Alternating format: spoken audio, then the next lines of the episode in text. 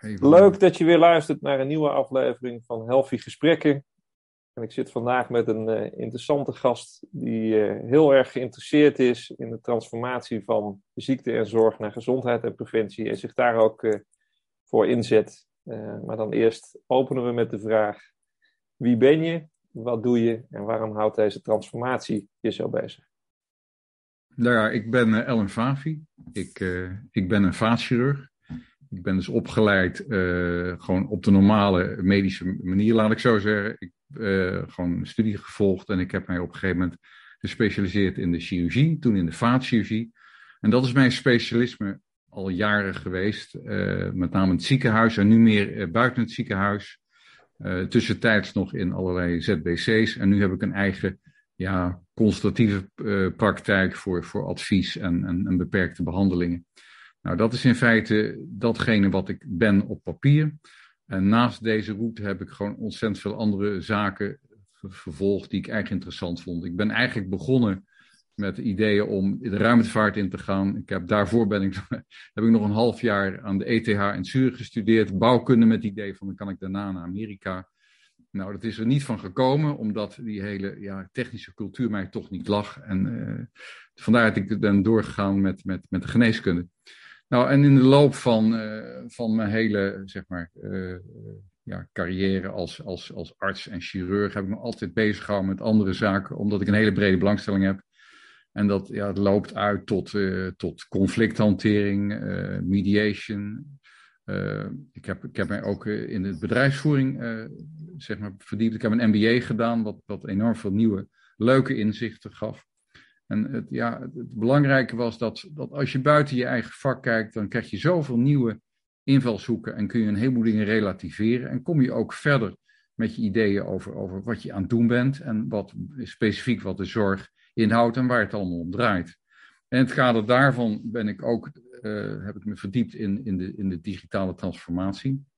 Omdat je toch ziet dat uh, ja, we zitten in de 21ste eeuw, alles uh, gaat om data.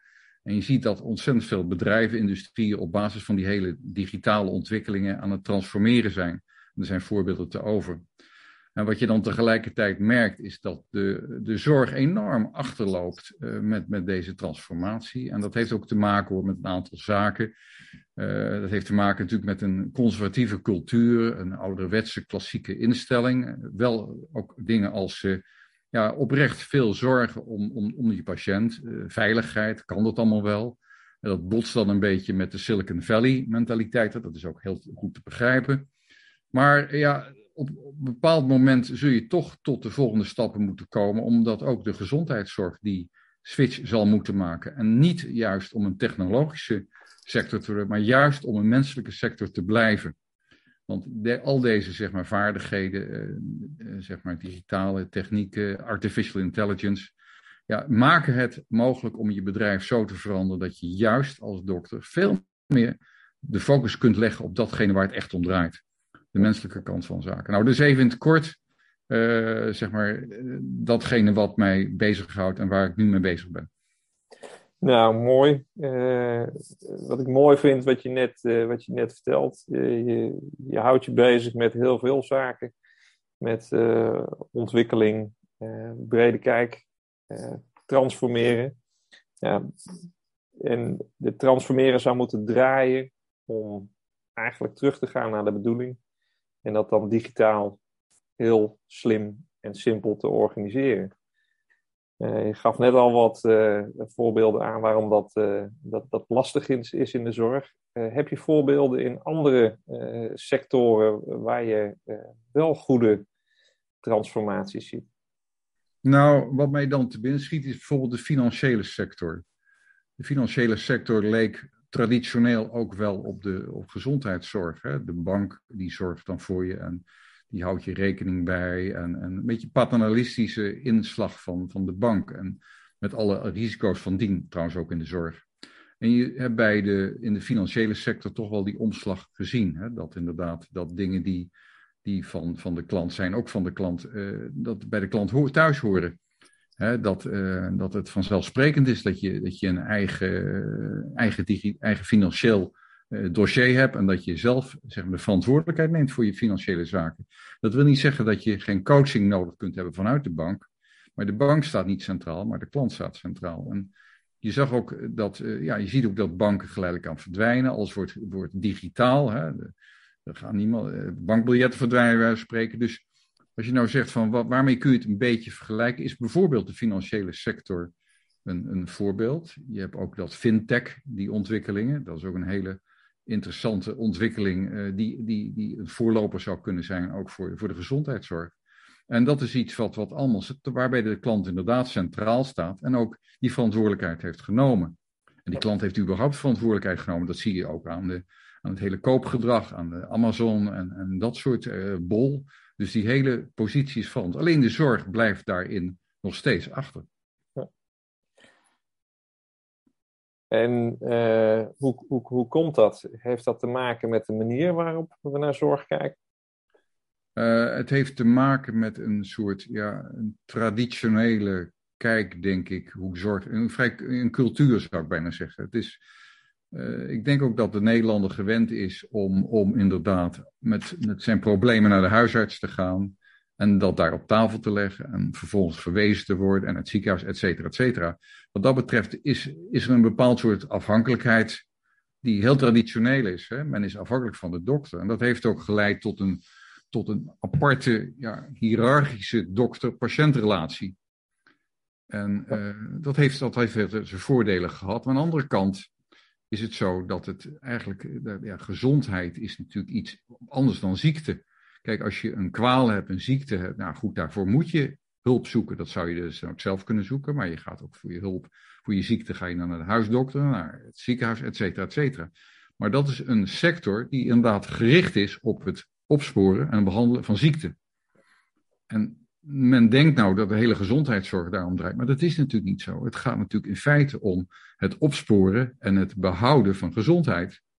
En dat is iets wat ja, wat zo vanzelfsprekend is dat dat niet meer als apart iets wordt gezien. Dus op het moment dat iemand inziet dat verantwoordelijkheid, uh, dat, dat gezondheid een eigen verantwoordelijkheid heeft, ja, dan ga je er heel anders naar kijken. En dat vergelijk ik dan ook met die financiële kant van de zaak. Het is niet de bank die over jouw geld gaat. Jij gaat zelf over je geld en jij bepaalt wat daarmee gaat gebeuren.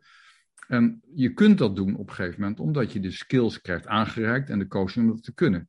Kijk, de meeste mensen zijn niet gewend om over hun gezondheid of over hun ziekte te gaan, omdat ze dat niet weten. Ze weten niet hoe dat in elkaar zit. En dan heb ik het nog niet eens over digitale technieken. Dat is nog een, nog een brug verder. Dus ik denk dat het belangrijk is om, om dat fundament, die bewustzijn van, ja, het is jouw leven, het is jouw uh, gezondheid en daar ben je voor verantwoordelijk en daar zul je maatregelen moeten voor treffen, die, die centraal zou moeten staan. Je benoemt uh, uh, iets heel moois in mijn optiek. Verschil tussen ziekte en gezondheid. Uh, als ik jou goed beluister, vind je dat we geen gezondheidszorg hebben in Nederland, maar ziektezorg. Ja, dat klopt. Dat klopt. Dat klopt. En, en, en hoe zouden we dat om kunnen draaien? Ja, dat is, dat is heel lastig. Dat, daar, ik heb er wel eens over, over, over wat, op, wat, wat nagedacht en gefilosofeerd. Maar je moet eigenlijk behoorlijk teruggaan tot, tot, tot zeg maar, tot, tot, tot, tot, de, de, de, tot Descartes in dat tijd. Waarbij in feite iets is ontstaan van een soort splitsing tussen, tussen geest, of tenminste ja, de, mentale kant van de zaak, en, en het lichaam. Waarbij in feite het lichaam toch beschouwd is als een soort uh, klokwerk, zou je kunnen zeggen. En dat klokwerk, dat is eigenlijk de basis geweest uh, om, waarop zeg maar dan de hele natuurkunde en ook de gezondheidszorg is, is gaan voorborduren. En daar, daar zijn ontzettend veel goede dingen in ontwikkeld, dat wil ik niet zeggen hoor. Er is enorm veel, veel ontstaan, er is ontdekt, er zijn ontzettend veel behandelingsmogelijkheden. Maar dat is gewoon de lichamelijke kant van de zaak. En die heeft ze met name gericht, en dat vond iedereen ook erg interessant, van waar gaat die klok kapot? En, en als we weten waar die klok kapot gaat, dan kunnen we dat repareren. En daar is, dat zijn de fundamenten van, van, dat noemen wij een gezondheidszorg, maar in feite is dat een ziektezorg. En dat bewustzijn komt geleidelijk aan door naarmate uh, men realiseert dat een mens niet alleen een zak met organen is, om het maar plat te zeggen, maar er zit iets bij. en wat erbij zit, dat is eigenlijk een beetje opzij geduwd, maar dat is natuurlijk net zo belangrijk dan, dan die organen zelf. Los van het feit dat er een wisselwerking is tussen die geest en tussen die organen. de, zeg maar, je, je psychische gesteldheid, je sociale omstandigheden. Dat zijn allemaal zaken die enorm veel invloed hebben op die organen. Maar dat is, tot nu toe is dat altijd ja, gespleten. En terwijl dat in feite de, de fusie hoort te zijn. En ook daarmee, als je dat ook ziet als, van, als één geheel, dan kom je redelijk snel terug bij de persoon zelf, die eigenaar is van die organen, maar bovendien ook de boel controleert. En het is ook dan heel logisch dat je zegt van nou oké, zeg jij het maar, jij staat centraal en we gaan kijken in hoeverre je gezond kunt blijven. Prima, gaan we alles mee doen. Dat moet je met name zelf doen. En op het moment dat er iets niet pluis is, ja, dan hebben we wel een sector ja. ziektesector, om zo, waar we iets mee kunnen. En nu is het gewoon zo van alles wat met gezondheid te maken heeft, uh, ook gezond, uh, zelfs leefstijl en zo, dat hoort allemaal bij dat bolwerk gezondheidszorg, terwijl dat in feite op ziekte gebaseerd uh, zeg maar, systeem is. Ja. ja, leren luisteren naar je lijf. Ja. Overzicht hebben, wat speelt er nu? zijn het alleen die organen of is er meer aan de hand? mooi. Uh, echt een andere kijk, uh, kijk op zaken. Kom je deze kijk bij veel collega's tegen? Nee, nee. heel weinig wat dat betreft. Heel weinig. Uh, wat dat betreft heb ik ja, toch, toch altijd vanuit een brede visie. Ik denk dat dat het is hoor. Want voor hetzelfde had ik gezegd van nou kom op. ik vind geneeskunde en chirurgie en vaatchirurgie vind ik perfect. En daar ga ik me volledig op storten. Dat heb ik ook voor een groot deel gedaan natuurlijk. Maar die, als je dan daar buiten kijkt en je interesseert je in totaal andere vakgebieden en zo, dat, dan, dan, dan, dan kijk je daar anders tegenaan. En dan zie je dat dat niet het enige universum is, dat ziekteuniversum, maar dat eigenlijk het ziekteuniversum maar een klein gedeelte is van het gezondheidsuniversum.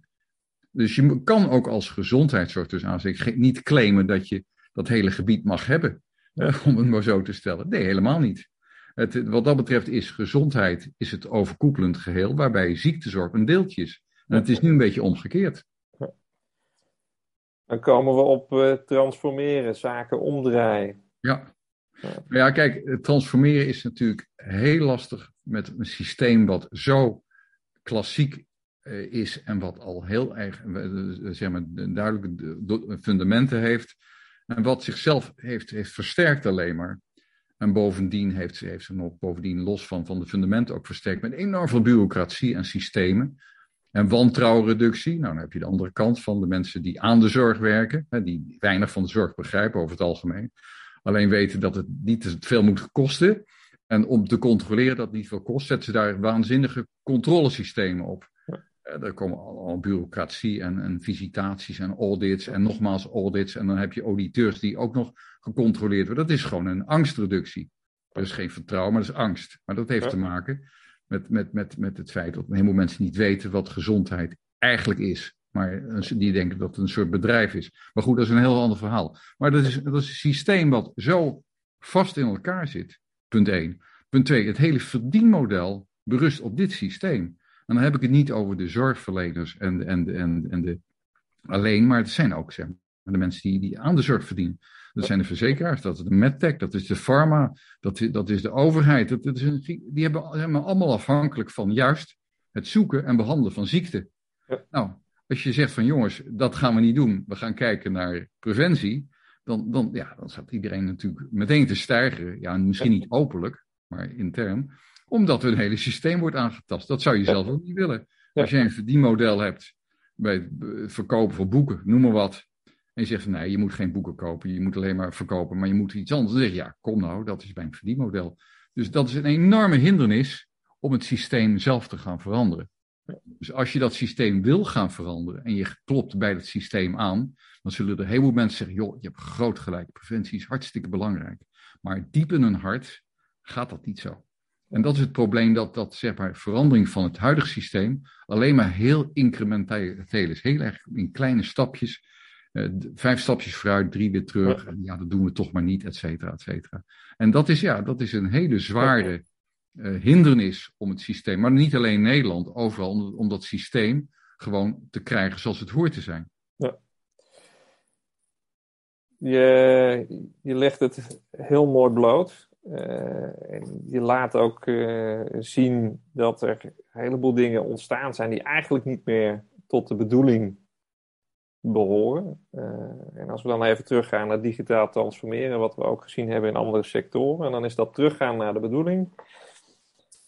En dat heel slim digitaal organiseren. En uh, wat je heel veel ziet bij digitale transformatie, is dat het niet vecht tegen het systeem, maar er buiten ontstaat, heel klein, dan langzaam opkomt, zodat in het huidige systeem kan blijven bestaan wat daar past. Inclusief al die gekke dingen eh, die we net benoemd hebben, die passen dan in één keer wel. En daarnaast ontstaat iets nieuws. Uh, zie je dit soort voorbeelden ook in de zorg? Ja, je ziet in feite, de zorg eh, zie je, tenminste omdat ik me ook daar redelijk mee bezig hou, zie je eigenlijk twee, twee parallele uh, universa, zou ik bijna zeggen. Je hebt echt het zorguniversum, zeg maar de dokters, de verpleegkundigen, et cetera, die allemaal echt in de zorg zijn opgeleid. En in feite ook, ook in de zorg leven en, en met, met volle overtuiging gewoon ook een zorg-DNA hebben, zou ik bijna zeggen. En omdat je dat niet in je eentje kunt doen als, als zorgverleners, heb je natuurlijk hulp nodig. Je kunt niet zeggen, ja, we willen geen managers of wat dan ook. Dat zou natuurlijk een illusie zijn. Je moet natuurlijk ook het systeem managen. Maar aan de andere kant heb je dus een, een ander universum, wat in feite dan niet dat zorg-DNA heeft, maar meer een technologisch DNA, zou ik bijna zeggen, of een bureaucratisch of een politiek DNA, die in feite met, hetzelfde, met diezelfde sector bezig zijn, alleen gewoon op hun eigen ideeën berusten. Als je bijvoorbeeld naar bijvoorbeeld ICT en Health gaat, de, de, de meetings, ik ben twee keer geweest, op zich leek me dat heel interessant, het is ook heel interessant, alleen wat je daar proeft is dat daar een heel ander universum zit.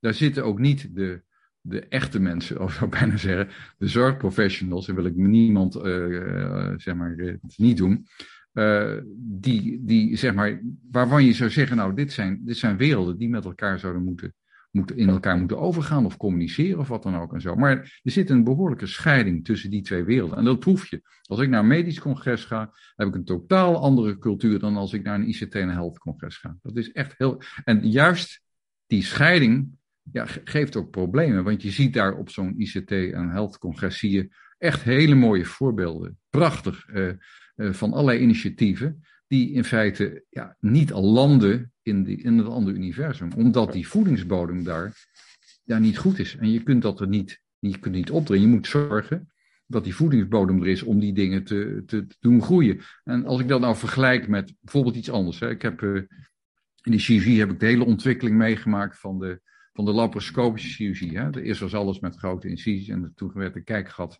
chirurgie ontwikkeld. Nou, dat was iets wat gedreven werd door de chirurg, het vak. En dat werd ook op die manier ook geïmplementeerd en vrij vlot geïmplementeerd. Maar daar zat ook een duidelijke meerwaarde aan, ook voor de patiënt, et cetera. En daar waren ook belangen vanuit de technologie. Met tech, die hebben er ook best wel commerciële belangen in gehad. Maar dat is een traject geweest waarvan ik zeg van nou, goed, dat heeft zich ontwikkeld. Dat zie je niet bij de, over het algemeen bij de digitale innovaties. En waarom? Omdat de meeste zorgverleners niet weten wat digitale innovatie is. Die, hebben dat, die weten dat echt niet. En die hebben ook niet het idee dat ze dat zouden moeten weten. Even heel zwart-wit. Dus dat landt ook helemaal niet. Bovendien zijn de, de, zeg maar de applicaties die gemaakt zijn, zijn eigenlijk in een vrij late fase naar het ziekenhuis gebracht. Terwijl je eigenlijk op het moment dat je start met een applicatie, moet zeggen van, goh, we halen iedereen bij elkaar. We gaan vanuit een vervelend woord, misschien co-creatie, gaan we een applicatie maken. Van waar, waar zijn we mee bezig? Wat is het probleem?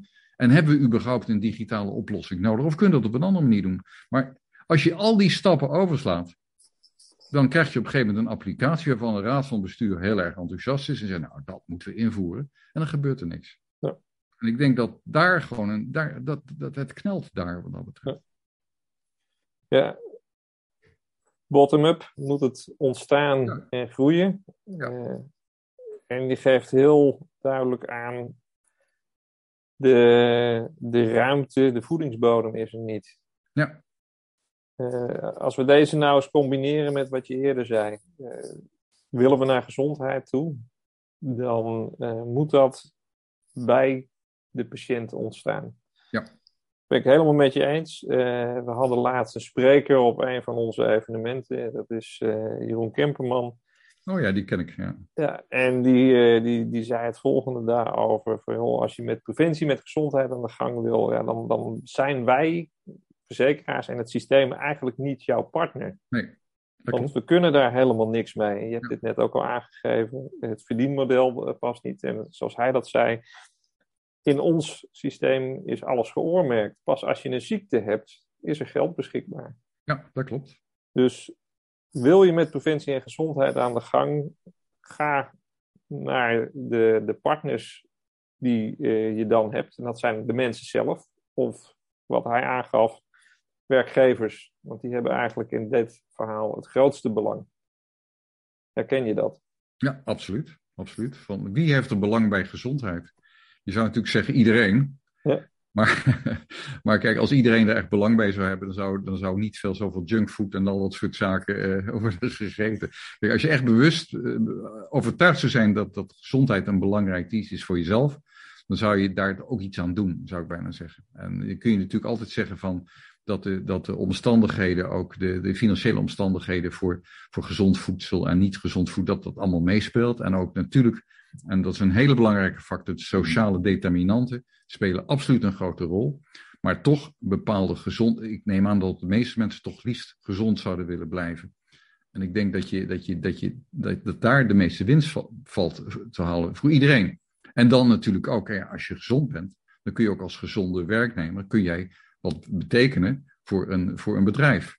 Dus het bedrijf heeft natuurlijk enorm veel, veel zeg maar, uh, afhankelijk van de gezondheid van, van, van, zijn, van zijn werknemers. Dus daar zit inderdaad een, een, enorm belang om gezond te blijven. In tegenstelling tot, tot de zogenaamde gezondheidszorg, waar dat belang natuurlijk helemaal niet zo belangrijk is. Want ik denk ook dat daar, wat, wat Jeroen ook zei, ja, er is geen reden om, om zeg maar heel enthousiast uh, over preventie te zijn. Nee, want je wil het juist, je wil het juist vinden en behandelen. dat, heeft, dat, zou hetzelfde zijn dat, uh, ja, dat is met, met de brandweer zou ik vergelijken. Kijk, je kunt bij ieder huis kun je een volledige brandweerauto neerzetten voor het geval dat er brand uitbreekt. Uh, maar het is natuurlijk veel zinvol om een aantal rookmelders overal neer te zetten om te zorgen dat die brand niet ontstaat. En dat is wel wat goedkoper. Dus daar zou je het ook nog een beetje mee kunnen vergelijken. Ja. Wat zijn dan de rookmelders, om jouw analogie te gebruiken, die wij als mensen zouden kunnen gebruiken? Je gaf net al aan van heel veel uh, zorgverleners weten niet wat er, uh, wat er mogelijk is. Mm Heb je voorbeelden? Uh, ik denk dat, dat bewustzijn natuurlijk heel belangrijk is. Het, het, dat, dat het bewust, het, jezelf bewust zijn van, van welke factoren van belang zijn voor je gezondheid. En niet alleen de fysieke, maar ook de mentale gezondheid. Je zou het eigenlijk op de school moeten meekrijgen, op je school moeten meekrijgen. Hoe belangrijk het is om gezond te blijven. En, en welke factoren belangrijk zijn om, om je gezond te houden. Dus bewustzijn is heel belangrijk. En als je nou hebt over, nou, het moet vanuit de consument komen of vanuit de klant. Of de patiënt vind ik een rotwoord, maar goed, er zijn geen, geen makkelijke woorden daarvoor. Als het daar vandaan moet komen, dan moet het ook daar ook een, een drive zijn, een bewustzijn. Want waarom zou jij je bezighouden met gezondheid als het voor jou niet een issue is, als het geen belang is. Dus je zult daar een soort, soort, soort uh, bewustzijn moeten creëren. En, en uh, waar, waar, waar, daar zou dus een van de, van de, zeg maar de, de rookmelders moeten zitten. Hè? Dat je op een gegeven moment zegt van, goh, uh, de, ik heb een hoge bloeddruk of wat dan ook, omdat je dat ook zelf kunt controleren. Als we, ja, dat is niet goed, daar moet ik wat aan doen. En dan ga je eerst kijken of je er zelf iets mee kunt doen. En als dat niet lukt, ga je naar de huisarts. En als dat niet lukt, ga je naar het ziekenhuis. Maar dan heb je een, een, een logische volgorde. Nu wordt het vaak van, ach, het is niet, je laat het bestaan. En uh, ja, je gebruikt er medicijnen voor, zonder dat je eigenlijk nagaat of, het, of die medicijnen überhaupt nodig zijn. Ja. dus bewezen dat, dat diabetes 2 dat je daar uh, zeg maar medicatieafhankelijk bent, totdat je in feite op het idee komt of uh, dat je kunt afvallen en daarmee je medicatie misschien kwijt kunt raken. Ja. Nou, en roken is natuurlijk een heel ander verhaal, dat is, uh, dat is, dat is zonder klaar. Dus ik denk dat, ja, dat die, die rookmeldertjes, als het ware, daar dicht bij de, de, de burger zelf moeten zitten. Ja, je gaf uh, net in je voorbeeld uh, iets aan van je voelt iets en, en, je gaat eerst zelf zoeken en kom je er niet uit, ga je naar de dokter toe. En dat zie je natuurlijk uh, ook in het huidige systeem al. Er zijn heel veel mensen die van alles voelen en van alles merken aan hun lijf en vervolgens naar de reguliere zorg gaan. En dan, de, de reguliere zorg zegt dan, medisch is er nog niks aan de hand. Want, en daar hebben we het eerder over gehad, aan je organen is niks. Daar kunnen we niks aan zien. Maar misschien is er ergens anders iets aan de hand en dan wordt dan niet gekeken. Ja. en je ziet dat deze mensen heel lang blijven rondlopen. Ja, totdat er echt iets ontstaat. Hè? Ja. Hoe zouden we deze mensen kunnen helpen? Ja, kijk, wat dat betreft, als iemand met hoofdpijn naar de huisarts gaat, dan, dan, dan, dan wordt er over het algemeen een, een aspirinetekort vastgesteld. Begrijp je? Ja. Dus een ontbrekende stof in het lichaam, dat is aspirine. En er wordt aspirine toegediend. Ik even heel zwart-wit, maar ik vind ja. het een mooie vergelijking. Uh, en dan gaat de patiënt met, met, met zijn aspirinetekort en behandeling gaat naar huis. Kijk, dat is eigenlijk zoals het nu gaat. Maar kijk, een hoofdpijn heeft natuurlijk een oorzaak. Maar ja, in de huisartsgeneeskunde die zwaar overbelast is op het moment, die krijgen alles op een bord. En ik heb er wat te doen met de huisartsen. En je hebt maar tien minuten, ja, dan heb je niet de gelegenheid en de tijd om te zeggen, joh, wat, wat bedoel je nou met die hoofdpijn? Wat zit er nou achter? Kijk, als iemand financiële problemen heeft, dan zal een aspirintje ook niet helpen. En ik wil niet zeggen dat je meteen die financiële problemen kunt oplossen, maar je ziet wel de hoofdpijn in een context. En alleen dat door terug te koppelen naar naar de klant, kan hij er misschien wat mee doen om, om, op die manier te kijken, goh, die hoofdpijn dat heeft een oorzaak en daar kan ik wat mee doen. Of uh, ik kan wat beter proberen te slapen of iets uh, naar een, een bureau om een budget te beheren. Nou, noem maar wat, wij spreken. Maar dat is inderdaad meer de insteek van, van ja, kijk naar jezelf, kijk wat erachter is. En, naar het, en niet om af te schuiven, maar gewoon om het, om het zo laagdrempelig mogelijk aan te pakken. Ja mooi. Kijk naar het geheel. Uh, wat je ook al eerder aangaf, kijk niet naar mensen als een klok, waar eventueel een stukje software in zit om die klok uh, te sturen. Maar kijk echt naar mensen in hun context. Uh, bijna als ik kijk naar mensen als muziekinstrumenten waar alles aan elkaar hangt, alles beïnvloedt elkaar. Ja. Het ene instrument beïnvloedt het andere. Samen beïnvloeden ze de ruimte en de ruimte beïnvloedt de klank weer. Ja. Je kan het niet lostrekken. Nee. Nee, het zit in een context, maar het is inderdaad, als je dat goed aandacht wil geven, dan, dan, dan voel je ook al wel dat je, dat, je, dat je de ruimte moet hebben als zorgverlener om dit te kunnen. Dan moet je niet zeg maar tien minuten krijgen en, en met twee vingers typend achter je dossier gewoon nog dingen intypen ook nog. Dat, zo kun je niet werken.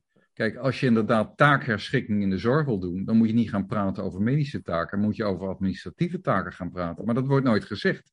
Taakherschikking, dan wordt er af aan physician assistants, nurse practitioners, nou uh, allerlei dingen. Dan worden, worden uh, zeg maar mogelijkheden veranderd om, om andere mensen behandelingen. Maar in feite 40% op zijn minst van je belasting is, is bureaucratisch.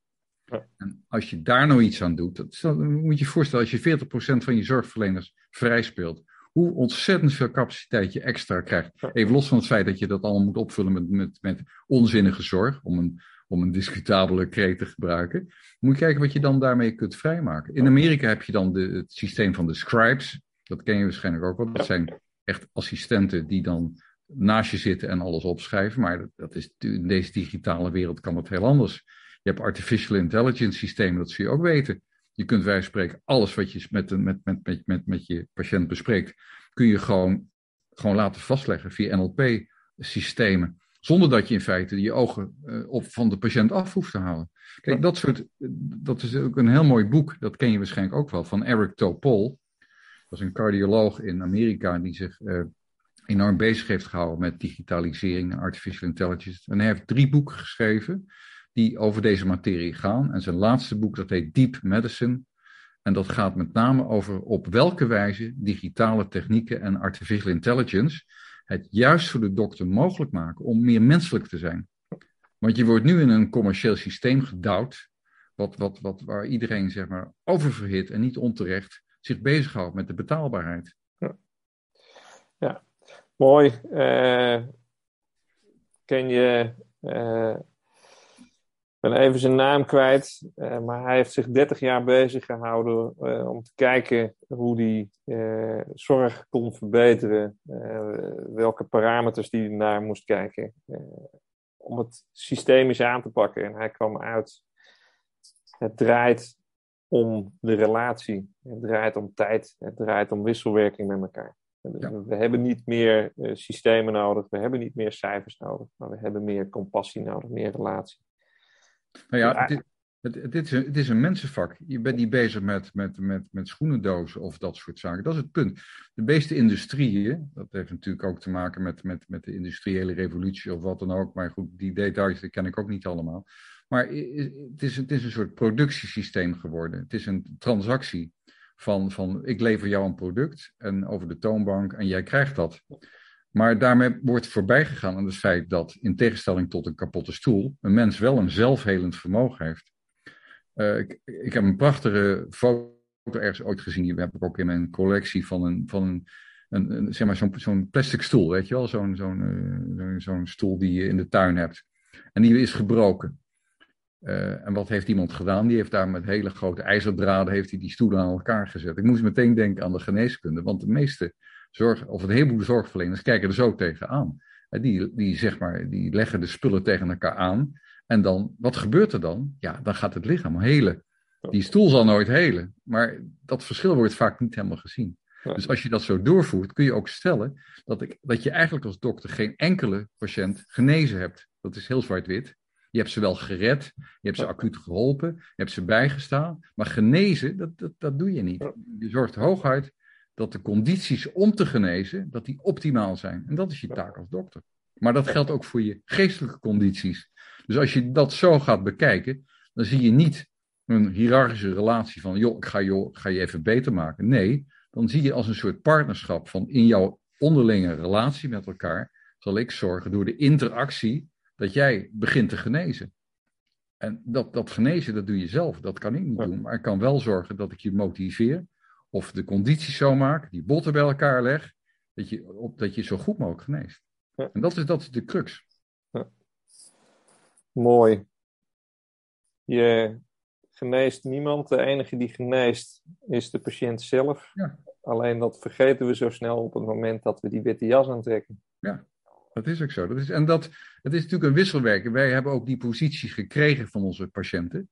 Die ons op een soort voetstuk hebben gezet van nou, dat is geweldig. Die dokter die, die regelt al onze problemen. En dat is natuurlijk heel erg eervol, et cetera. Maar het is niet realistisch. Het is niet realistisch. Want je bent geen, geen kapotte tuinstoel. Nee, je bent, je bent een, een, een biologisch systeem. Wat in feite de verantwoordelijkheid en de mogelijkheden heeft om zelf te genezen. Je bent niet met een dokter geboren, je komt ook zelf.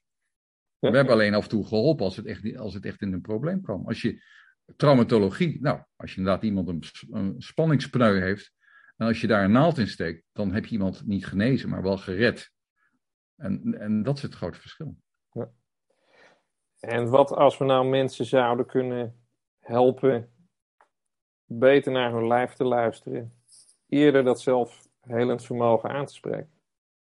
Ja, dat zou natuurlijk ideaal zijn. Kijk, op het moment dat iemand ervan overtuigd is, net zoals met die financiële zaken, dat, dat je dat zelf in handen moet nemen, ja, dan ontstaan er een paar dingen. Ten eerste ga je over je gezondheid nadenken.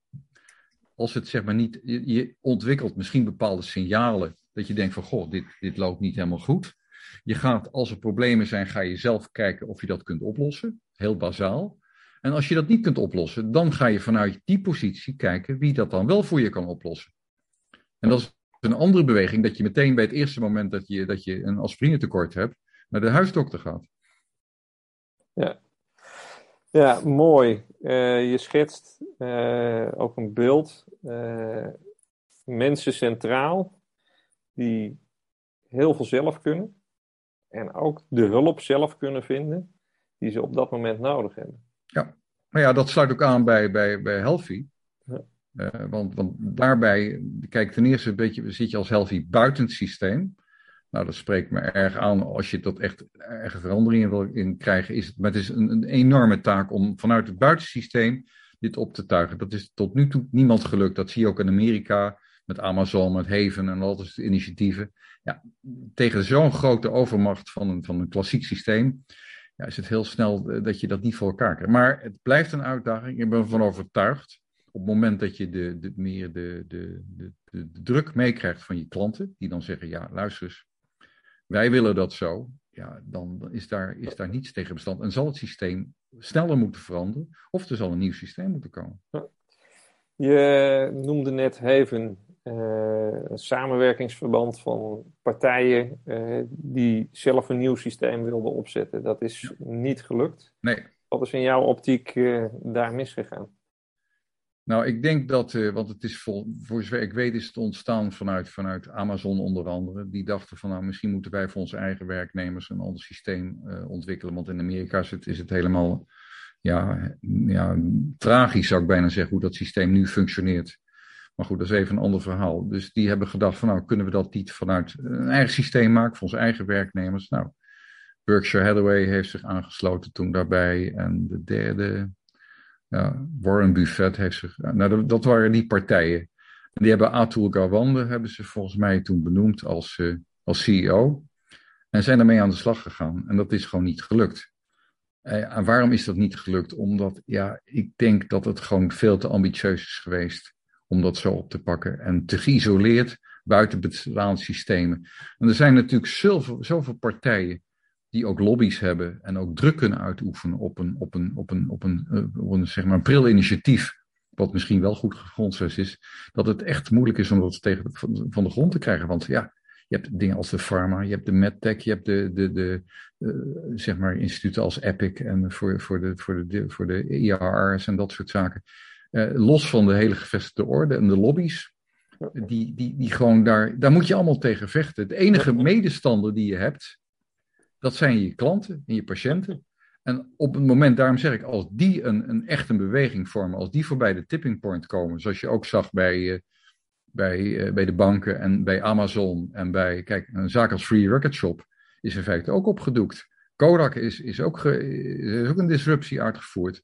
Dus als je vanuit de klantbeweging, als je daar de bewustwording krijgt en zegt van ja, kom op, dat gaan we niet doen. Kijk, dan heb je een grote partij. Als je dat vanuit je eigen organisatie moet doen, vanuit je, vanuit je zorgverleners met, met hart, die ervan overtuigd zijn dat ze dit goed doen. Als je daar geen steun van je, van je, van je, van je, van je, voor je patiënt hebt, dan ga je dat niet redden, omdat die andere partijen dat eh, veel beter kunnen. Ja. Je, je benoemt disruptie en vechten. Uh, nou is bij Helfi uh, iemand aangesloten en die adviseert ook, die daar zijn achtergrond in heeft. Hij heeft uh, met Christensen heeft hij heel veel gewerkt. En Christensen heeft zijn levenswerk van disruptie gemaakt. Ja. Vanuit de vraag hoe kan het zijn dat er toch initiatieven ontstaan die hele sectoren veranderen door juist buiten een sector te beginnen. En wat ze daar zagen is dat je moet niet vechten. Uh, je moet daar zijn waar de ruimte zit, zodat de ja. beweging op gang kan komen. Nou, vechten is een hele negatieve energie en dat is gericht op je, op je concurrent. Maar je moet uitgaan van je eigen kracht. Dus dis, de dis in disruptie is niet goed. Je kunt beter eruptie noemen. Ja. Moet aan de Eddie van Helen denken, maar dat is weer een ander verhaal.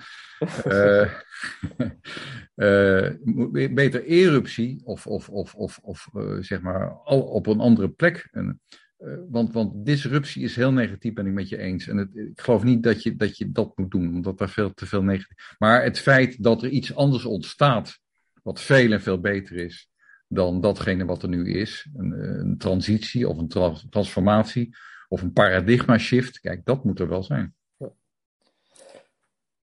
En hoe zou je daar zelf aan bij kunnen en willen dragen?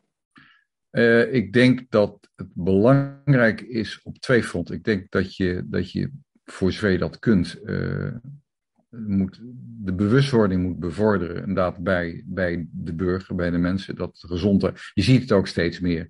Dat gezondheid steeds belangrijker wordt. Dat mensen ook gezonder gaan leven.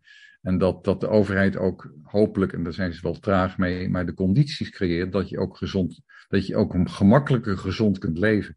Ja, dat je inderdaad, eh, nou, een BTW op groente en fruit, dat is, dat is op zich al een, een, kolder zoals dat nu wordt aangepakt. Maar dat je dat soort dingen creëert. En dat je ze ook in de, in de, in de, in de, ja, in in de sociale omgeving, rond scholen, dat je daar de fastfood en, nou noem maar op, voorbeelden te over dat je zorgt dat, dat, je, dat je ook in dat je zo min mogelijk in een ziekmakende omgeving moet leven.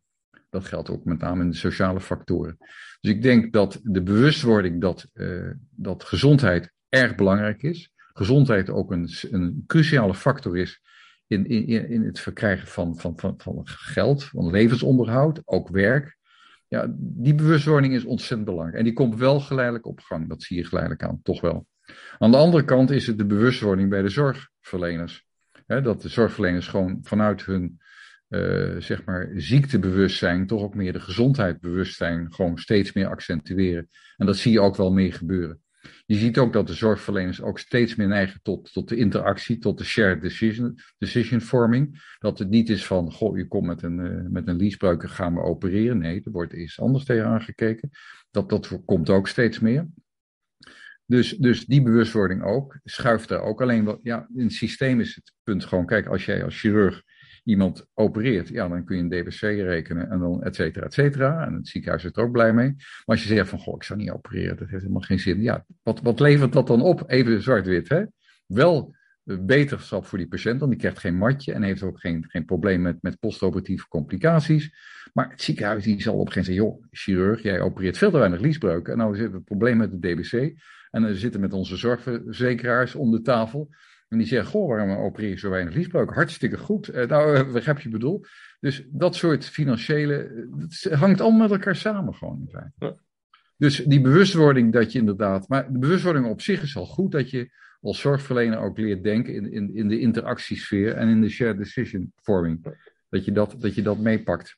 En dan heb je het nog niet eens gehad over de, de, wat ook ontzettend belangrijk is bij de zorgverlener, is de bewustwording op het gebied van van de digitale transformatie die eraan zit te komen, die waarschijnlijk ook jou als zorgverlener veel meer ruimte geeft om je, om je patiënt echt te behandelen, uh, dan dat je gewoon zegt van nou, dat is allemaal uh, hype. En dat, maar dat komt alleen maar door onwetendheid. Dus je zal in feite ook op dat front, zul je gewoon moeten zorgen dat, dat de zorgverleners ook daar de, de kennis en de kunde ontwikkelen. Kennis en kunde. Uh, bewustwording is iets anders dan doen. Ja wat ik heel veel zie en waar ik af en toe kromme tenen van krijg, is we blijven praten, praten, praten. Cursus, cursus, cursus. Congres, congres, congres. En doen, ho maar. Ja, dat klopt. Dat klopt. Waar zit dat in, denk je? Het zit niet in de opleidingen. Nee. nee. Uh, wat ik zie, uh, ik vind het een mooie vraag. Uh, wat ik zie, ik ben zelf ook al, al jaren hockeytrainer en coach. En in de sportbonden uh, zijn ze al een tijd overgegaan op een andere manier van mensen opleiden. Van rationeel opleiden naar motorisch opleiden. Dat je mensen in een omgeving brengt waar ze hun eigen oplossingen vinden en zoeken. En daaruit blijkt ook dat die manier niet alleen eh, tot minimaal dezelfde resultaten leidt, maar ook dat die blijft bestaan onder druk. En wat ik zie, eh, dat de, eh, de, de, opleidingen, de sector is nog niet toe aan die overgang. Ja. Ja. Uh, als mensen zelf kennis en kunde hebben opgedaan, dan wordt dat als ja, inferieur beschouwd. Ja, nou precies, het wordt dan. En ja, mensen willen ook niet graag veranderen, dat is ook een punt wat dat betreft. Maar wat dan ook een rol speelt, is gewoon dat ook de, de, de, zeg maar de beroepsbelangenverenigingen, de koepels, ook heel klassiek georiënteerd zijn. Dat wil zeggen, en daar zou je het voor moeten hebben. Je zou het vanuit de, de, koepels, de Federatie Medisch Specialisten, Landelijke Huisartsverenigingen, noem maar op, al die koepels. Daar zou je in feite een soort drive moeten krijgen om dit soort dingen ook te bevorderen. Maar die blijven gewoon ja, heel erg in hun eigen oude systeem hangen. En ja. Is dat ook niet de rol van een koepel? Ik heb uh, ooit een tijd geleden uh, ook met mijn koepel gesproken over digitale transformatie. Uh, en op een gegeven moment had ik iemand aan de andere kant van de tafel zitten die het verhaal snapte. En ook de evolutie kon overzien waar de hele sector naartoe zou kunnen gaan. En zei: Hartstikke mooi, dit gaat een keer gebeuren. Alleen ons belang is die 95% mensen die niet wil veranderen. Uh, en dit is als koepel in jezelf keren. Uh, heeft te maken met leiderschap. In plaats van dat je het leiderschap uh, toont. Van, ik zie dat de buitenwereld verandert. Ik zie de belangen aan de binnenkant. En ik ga samen een weg zoeken. zodat we die verandering doorlopen op een manier dat de binnenkant ook mee kan. Ja. Nou, het is, het is gewoon wat dat betreft is het volledig wereldvreemd. Wat dat betreft zijn de, zijn de koepels over het algemeen uh, zijn goed op het operationele vlak. Die weten alles binnen de spreekkamer. Dat doen ze hartstikke goed hoor, kwaliteitsmanagement. En ze hebben ook wel ideeën over, over dat er nieuwe dingen op, op het punt staan te gebeuren, innovatie. Maar in feite, houden zich ver van de, van de, de beleidsmatige, strategische en politieke eh, gremia, waar in feite dan de beslissingen vallen. Ik vind het ook altijd heel opvallend dat er inderdaad vanuit juist die beroepsgroep uh, niet één groot front wordt gevormd om een aantal zaken gewoon te ondersteunen. Zelfs in die mate dat een heleboel leden uh, zeggen van ja, wat zal onze koepels doen, dat, we begrijpen helemaal geen barst van, die vertegenwoordigen ons helemaal niet. En juist die koepels, dat is, is, de enige vorm van organisatie, zou je zeggen, die dat kan. Die op de, met de vuist op tafel kan slaan en zo. Maar die, die, die zijn op een bepaalde manier, ik weet niet hoe dat komt, die zijn toch ja, of te star gebleven, of hebben een bepaalde lobbycultuur gekregen, of zijn in, hun, in, het, in het bureaucratisch systeem toch wel te veel ingekapseld, ook daar, in allerlei lobbypraktijken, weet ik het wel. Maar die bewegen niet en vertegenwoordigen niet datgene wat leeft en wat er wat er op ons aan zit te komen. En zolang je binnen de spreekkamer blijft, en veel klagen trouwens, ja, zie je niet wat er gebeurt buiten. En het enige wat er gebeurt is op een gegeven moment dat je, dat je de deur open doet en dat je alleen maar de, ja, een woestijn ziet, bij spreken. Maar dan ben je te laat natuurlijk. De wereld uh, verandert. Uh, een mooi boek van Peter Hinsen. Het netwerk wint altijd. Ja. Uh, ook gezien door ene meneer Koos. Die heeft daar de Nobel, Nobelprijs uh, voor gewonnen. Als iets in de samenleving ontstaat voor een prijs waar een organisatie het niet voor kan leveren, dan heeft de organisatie geen bestaansrecht meer. Ja. Dat is de essentie van de disruptie die, die digitaal met zich meebrengt. Ja. Uh, je kan dingen anders gaan organiseren. Er gaan netwerken ontstaan uh, en organisaties uh, zullen afbrokkelen. Dus ook de koepels zullen zich anders moeten organiseren. Ja. Niet zoals ze nu zijn, maar meer als netwerk. Ja, absoluut. Nou ja, dat is, dat is gewoon de, de, ja, het leven, die biologie is een netwerk. Als je om, hè, het hele leven bestaat uit een netwerk. Waarom zou je dan geïsoleerd? Je bent niet geïsoleerd. Je bent afhankelijk van, van al je omgeving. Dus ook als je de gezondheidszorg zou willen transformeren en, en ook digitaliseren, dan zul je met een, met een, met een ecosysteem moeten werken. Ja. Daar zitten alle stakeholders in. Ook de mensen die ze hoegenaamd met jou concurreren, zullen ook in dat systeem moeten functioneren. En dan zul je een bepaalde ja, uh, ruimte moeten geven aan concurrentie. Of je moet zorgen dat je beter bent dan de concurrent, maar het moet, met, het moet in combinatie met elkaar en niet tegen elkaar. En dat is gewoon heel klassiek ouderwets. Dat is net zoals met, dat, uh, met wat je aangaf met die hockeytraining het, zeg maar, het micromanagement werkt niet. Ja. Het, en dat zie je zelfs in de biologie. Dat wij spreken bepaalde celculturen niet, niet reageren op micromanagement, maar dat die reageren alleen maar op de, op de situatie om zich heen. Een biologisch systeem is vaak een, een, een, zeg maar een probleemoplossend systeem, wat reageert op problemen in de omgeving. Maar gaat niet, omdat jij dat graag wil, dat doen. Ja, dat doen ze even omdat ze niet anders kunnen. Maar juist dat, uh, dat, zeg maar, dat zelfsturende en in interactie met de omgeving. Kijk, zo werkt de biologie ook. Ja, Eigen, eigenlijk het voorbeeld wat je aanhaalt, uh, ook iets wat ik machtig interessant vind. Uh, het geeft de richting al aan. Uh, het, het, moet een ecosysteem zijn, het moet in wisselwerking zijn. Dat is de toekomst. En het is interessant om te zien hoe wij mensen, hoe wij organisatie dat tegen proberen te gaan. Ja, ja. Want vanuit zo'n ecosysteem, vanuit zo'n zo'n verzameling, komt vanzelf een bepaalde bestemming op de een of andere manier. Tenminste, in de biologie ook. Kijk, als je naar het lichaam kijkt, dat bestaat alleen maar uit cellen. Je kunt niet zeggen dat, de, dat zeg maar, de hersens de baas zijn, of het centraal zenuwstelsel. Nee, de hersens die bestaan ook allemaal cellen. Je zult niet iets vinden van een soort oppercel die in feite jou de aanwijzing geeft hoe het in elkaar zit. Nee, juist, daarom vind ik ook de hele zwerm theorieën vind ik erg interessant. Het, het, collectieve gedrag van bepaalde zwermen en dat soort zaken. Omdat vanuit een bepaalde zwerm een bepaald soort superintelligentie uh, ontstaat, die in feite die zwerm op de een of andere manier stuurt. Ja. En ik denk dat het in de biologie en ook in onze systemen dat ook zo werkt. Ja. Ja, hier kunnen we nog uh, dagen over doorgaan. En juist daarin, in netwerken werken en organiseren, daar zit daar zit de richting. Je gaf net al aan, uh, jij interesseert je erin, maar je, je, merkt niet veel collega's die hetzelfde uh, in de wereld staan. Wat zou je uh, hun mee willen geven? Nou, ik zou zeggen, open de deur van de spreekkamer. en, en zeg maar, kijk met enige verwondering En ook met serieuze belangstelling naar datgene wat, wat er om je heen afspeelt. Kijk, verder dan alleen maar het zoeken en het, uh, het, het behandelen van ziekte.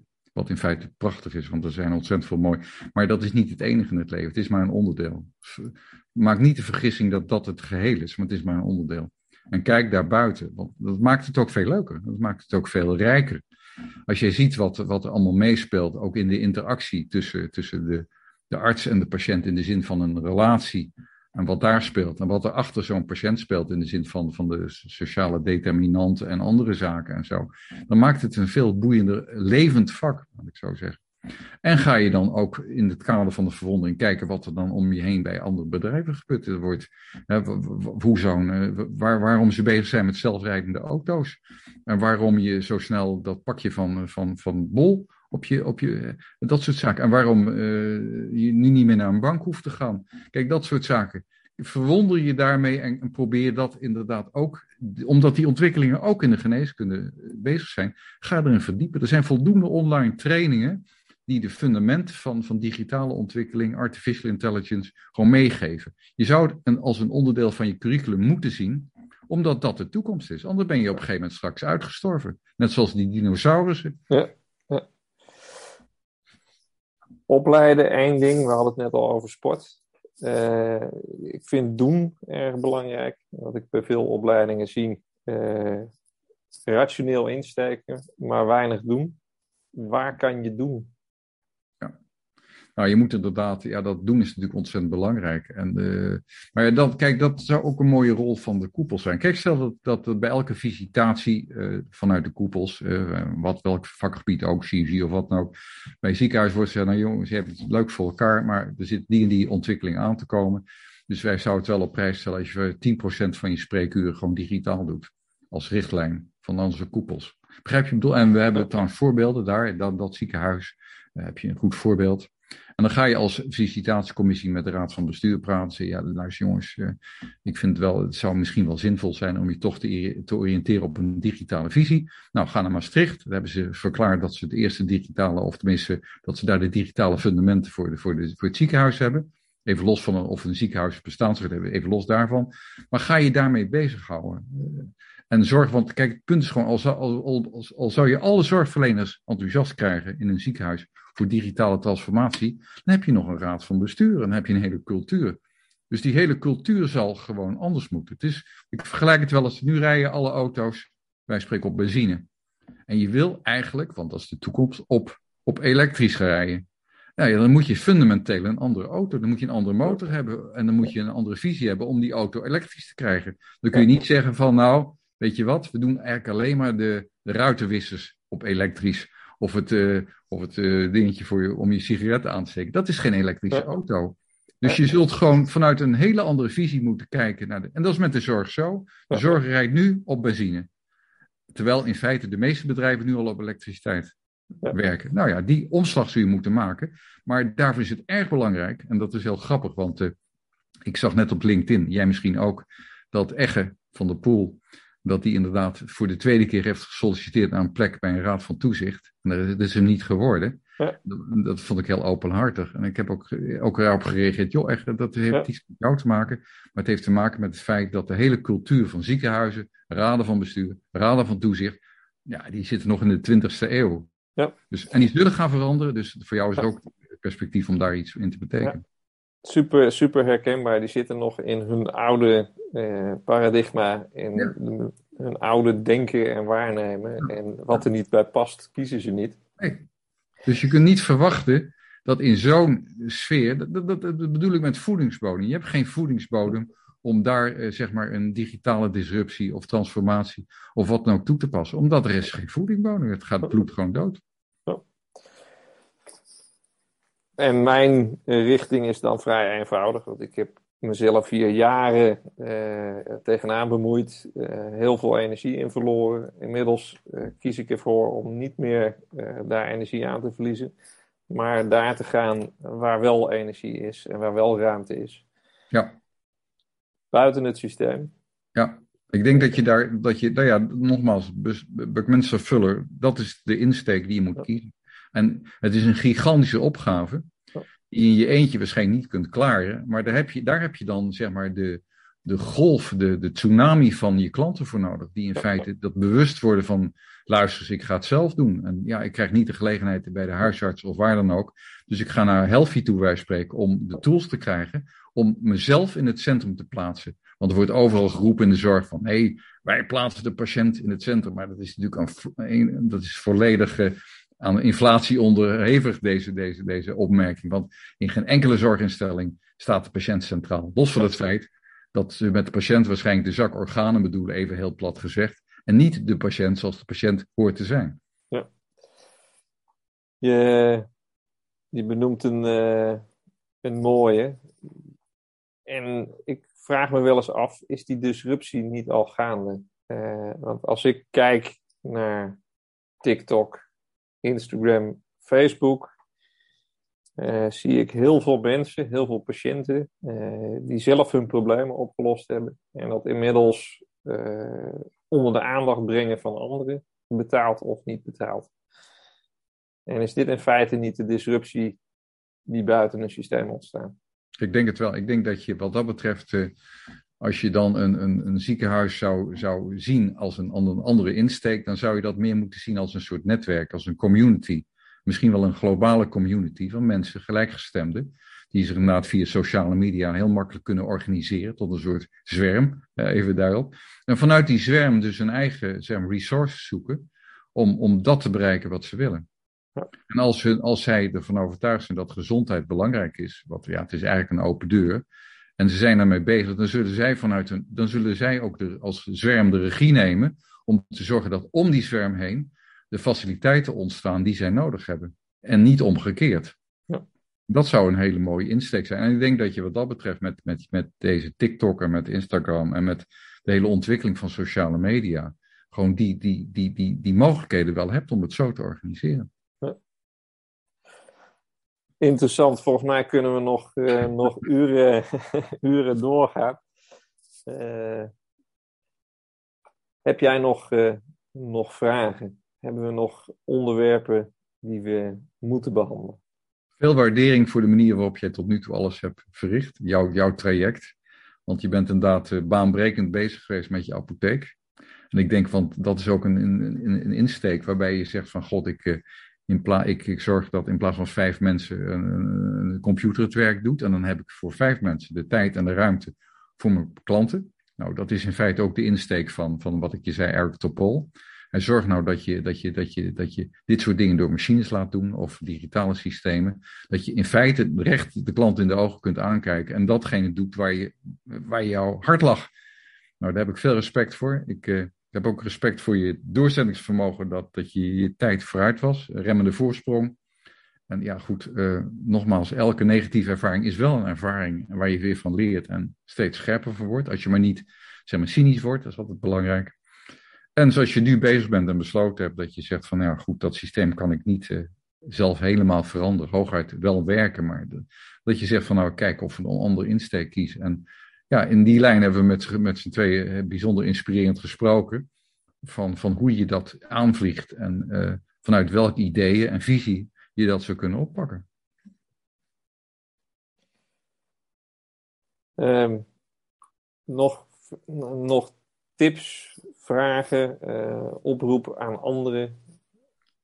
Uh, nou, ik denk dat het vooral belangrijk is om, om zeg maar, open te staan voor die nieuwe ontwikkelingen. En, en, en goed te luisteren. En inderdaad bewust worden van wat, wat er belangrijk is in je leven. En wat belangrijk is op het gebied van gezondheid. En wat zorgverleners betreft heb ik al gezegd van ja, ga je verdiepen in die digitale techniek. Niet vrij blijven, omdat ze op je afkomen. En, en ja, je weet niet hoe een ziekenhuis zich ontwikkelt. Uh, voor hetzelfde geld zullen ziekenhuizen op een gegeven moment zeg maar, versnipperen in, in, in een regio.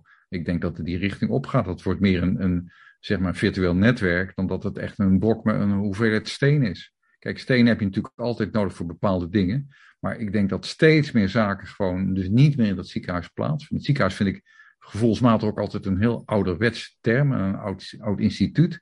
Waarover een aantal jaren zie je op een gegeven moment lachen. Goh, hadden we daar ziekenhuizen voor? Nou, dat is helemaal niet nodig. Dus die richting gaat. Maar dat, dat vereist wel het loslaten van bepaalde overtuigingen uh, dat, het al, dat het alleen maar zorg op die manier geleverd kan worden en dat er nooit iets gaat veranderen. Dus het, het vraagt wel een open mind en het liefst een beetje een zetje ook vanuit de koepels, waar een visie moet zijn van jongens, wij tonen leiderschap, wij tonen dat het op die richting die kant uitgaat. Wij proberen te stimuleren dat jullie op die manier meedenken en dat er ook een modellen ontstaan uh, die ook financieel ook de boel ook aantrekkelijk houden. Kijk, als je zegt van ja, het ziekenhuis moet sluiten en je mag geen liesbreuken meer opereren omdat het niet goed is, ja, dan begint iedereen verschrikkelijk te stijgen. En ook zonder, niet zonder reden, omdat je, die, houdt je, hou die hele financiële basis vanaf. Dus dat zul je ook, wij spreken, ook goed moeten, moeten inkaderen hoe je dat uh, aanpakt. Ja.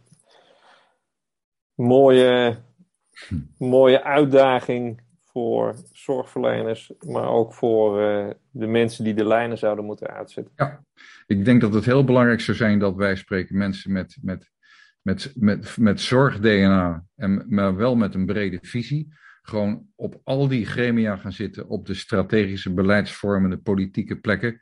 Om te zorgen dat ze de verantwoordelijkheid nemen, niet alleen voor hun spreekkamer, maar ook de context waarin hun spreekkamer mag bestaan. Een spreekkamer bestaat niet uh, alleen als je de deur opent, zit je in een buitenwereld. En ik vind het te kort, zegt, ik vind het te kort om te zeggen van dokter, hou je bij je eigen lees. Nee, zelfs een, een, een schoenmaker zorgt dat zijn schoenwinkel intact is.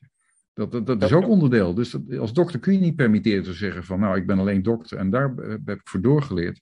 Nee, je zult ook moeten zorgen dat de context waarin je werkt, dat je daar verantwoordelijkheid neemt en regie. Want als je dat niet doet, er zijn zoveel mensen zonder vakinhoud die gewoon bepalen hoe de zorg in elkaar zit. Ja. En dat is ten dele heeft dat te maken met het feit van ja, het tekortschieten ook van, van, uh, van de zorgverlenerskant, de koepels. Ja. Zorg ervoor dat je zelf verantwoordelijkheid neemt. Zeker. Ja. Want wij zijn, wij zijn als collectief verantwoordelijk, ook voor de sector die wij ook als, als geen ander kennen. Wat zijn de specialisten eh, van de gezondheidszorg? Ja, die weten, ik wil niet zeggen dat die, dat die alle, die hebben zeker niet de managementcompetenties, dat zullen ze moeten leren of ze zullen moeten worden bijgestaan door mensen die dat wel kunnen.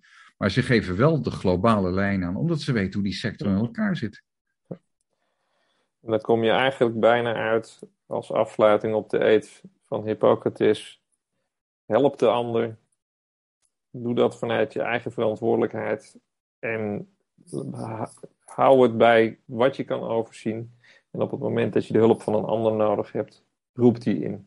Ja, absoluut. Zorg dat je, dat je de context creëert, ook dat je, dat je ook ten, ten bate van je, van je patiënt, dat je ook die interactie kunt plaatsvinden. Je zorgt ook voor een kamer dat je met z'n tweeën kunt zitten, hè, wij spreken. Nou, dat moet je veel ruimer zien. Je moet zorgen voor een context, zelfs een maatschappelijke context, dat je dit op een goede, verantwoordelijke manier kan doen.